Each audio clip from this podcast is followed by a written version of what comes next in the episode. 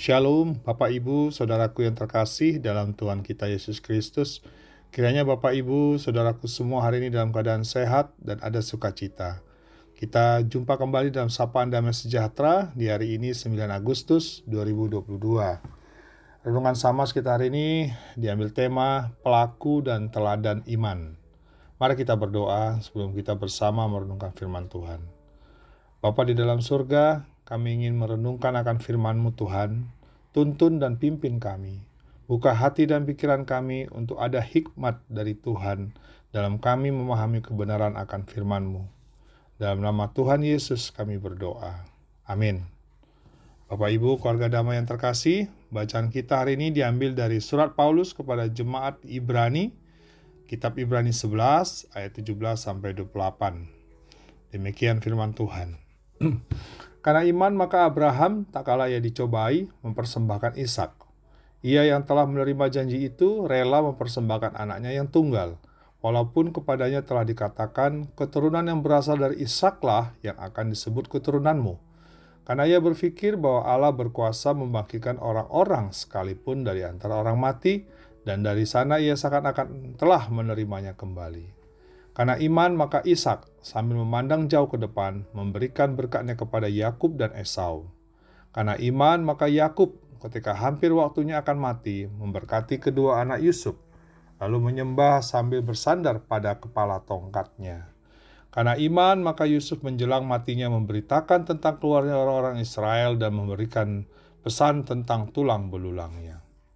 Karena iman, maka Musa setelah ia lahir disembunyikan selama tiga bulan oleh orang tuanya. Karena mereka melihat bahwa anak itu elok rupanya dan mereka tidak takut akan perintah raja. Karena iman, maka Musa setelah dewasa menolak disebut anak putri Firaun. Karena ia lebih suka menderita sengsara dengan umat Allah daripada untuk sementara menikmati kesenangan dari dosa. Ia menganggap penghinaan karena Kristus sebagai kekayaan yang lebih besar daripada semua harta Mesir, sebab pandangannya ia arahkan kepada upah. Karena iman maka ia telah meninggalkan Mesir dengan tidak takut akan murka raja. Ia bertahan sama seperti ia melihat apa yang tidak kelihatan. Karena iman maka ia mengadakan pasca dan memercikkan darah supaya pembinasaan anak-anak sulung jangan menyentuh mereka. Demikian pembacaan firman Tuhan. Berbahagialah kita yang mendengar dan melakukannya. Bapak Ibu, bacaan kita hari ini merupakan bagian pelengkap atau merupakan bagian lanjutan tentang iman yang tertera dari Ibrani 11 sejak ayatnya yang pertama. Ibrani 11 ayat yang pertama itu disampaikan bahwa iman adalah dasar dari segala sesuatu yang kita harapkan dan bukti dari segala sesuatu yang tidak kita lihat. Bagi penulis Ibrani, iman adalah hal yang harus diperhatikan dalam hal pertumbuhan rohani. Terlebih, kitab Ibrani ini menekankan bahwa iman bukan hanya sesuatu yang dimiliki setiap orang, namun iman harus menjadi sesuatu yang dapat ditampilkan dan menjadi teladan bagi orang-orang yang mengenal kita. Dalam kitab ini, penulis Ibrani mau menekankan bahwa iman bukan terbatas hanya sebagai pemahaman, tapi bagaimana iman itu bisa berdampak bagi kehidupan kita sehari-hari. Dalam bacaan kita tadi di atas, kitab Ibrani menceritakan pelaku-pelaku dan teladan iman dalam kehidupan tokoh-tokoh perjanjian lama yang dekat dengan kehidupan pembaca surat Ibrani pada masa itu.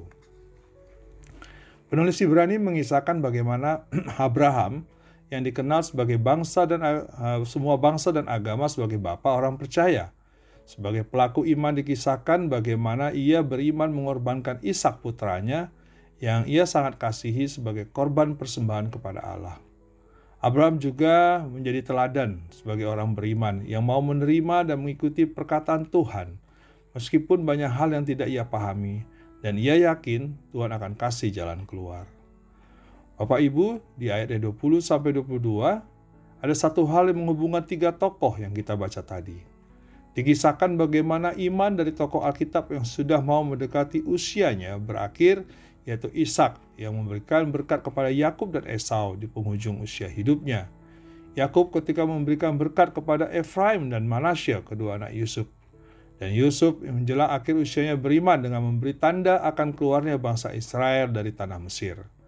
Kepada ketiga tokoh ini penulis Ibrani mau menjelaskan bahwa ketiga tokoh perjanjian lama ini sebelum meninggalkan dunia dan tanpa pernah mengalami penggenapan janji Allah tentang akan keluarnya bangsa Israel menuju tanah perjanjian.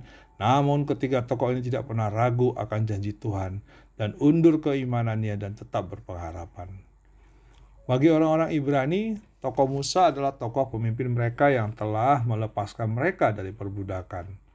Musa dikenal adalah orang yang sangat beriman. Bahkan sejak mudanya Musa tidak ingin hidup nyaman dalam kehidupan kerajaan Firaun karena ia lebih menghayati hidup dalam kesengsaraan bersama umatnya. Musa beriman dengan mengadakan paskah pemercikan darah sehingga anak-anak sulung Israel tidak tersentuh kematian. Dan dengan beriman Musa membawa bangsa Israel keluar dari Mesir meskipun dikejar tentara Firaun dan mampu melintasi Laut Merah. Musa tidak ragu dan terus beriman bahwa bangsa Israel akan keluar dengan selamat dari tanah Mesir dan Allah akan menghantar bangsa Israel ke tanah perjanjian. Musa beriman bahwa kalau Allah memberikan perintah kepadanya, maka Allah akan memberikan kekuatan dan menolongnya. Bapak Ibu terkasih, mari kita merenungkan bahwa iman sesungguhnya adalah tempat menyandarkan hidup kita kepada Tuhan. Di dalam setiap kesulitan dan pergumulan kehidupan dan ketidakpastian dalam kehidupan kita yang akan membuat kita terus berharap padanya. Melalui teladan iman dan tokoh dari tokoh-tokoh Alkitab yang kita baca hari ini, kita belajar bahwa setiap orang yang beriman akan dapat merasakan jalan keluar dari setiap persoalan hidup. Hendaklah kita yang beriman tidak berputus asa dan selalu dipenuhi pengharapan. Tuhan akan memberikan kesempatan kepada kita untuk bertumbuh di dalamnya. Maka dari itu, mari kita memakai tuntunan Tuhan agar hidup kita semakin beriman dan semakin kuat di dalam Tuhan. Mari kita semakin mendekatkan diri dan berkomitmen dalam doa dan pembacaan firman dan melayaninya dalam kehidupan berjemaat untuk semakin menumbuhkan iman percaya kita. Mari kita berdoa. Tuhan terima kasih untuk sapaan firman-Mu. Tolong Tuhan kuatkan kami dalam kami menghadapi setiap pergumulan dan kesulitan hidup yang kami lalui dengan kami tetap bertumbuh dalam iman dan ajar kami untuk terus berpengharapan pada janjimu. Pimpin kami ya Tuhan dalam menjalani kehidupan kami. Dalam namamu Tuhan Yesus kami berdoa. Amin.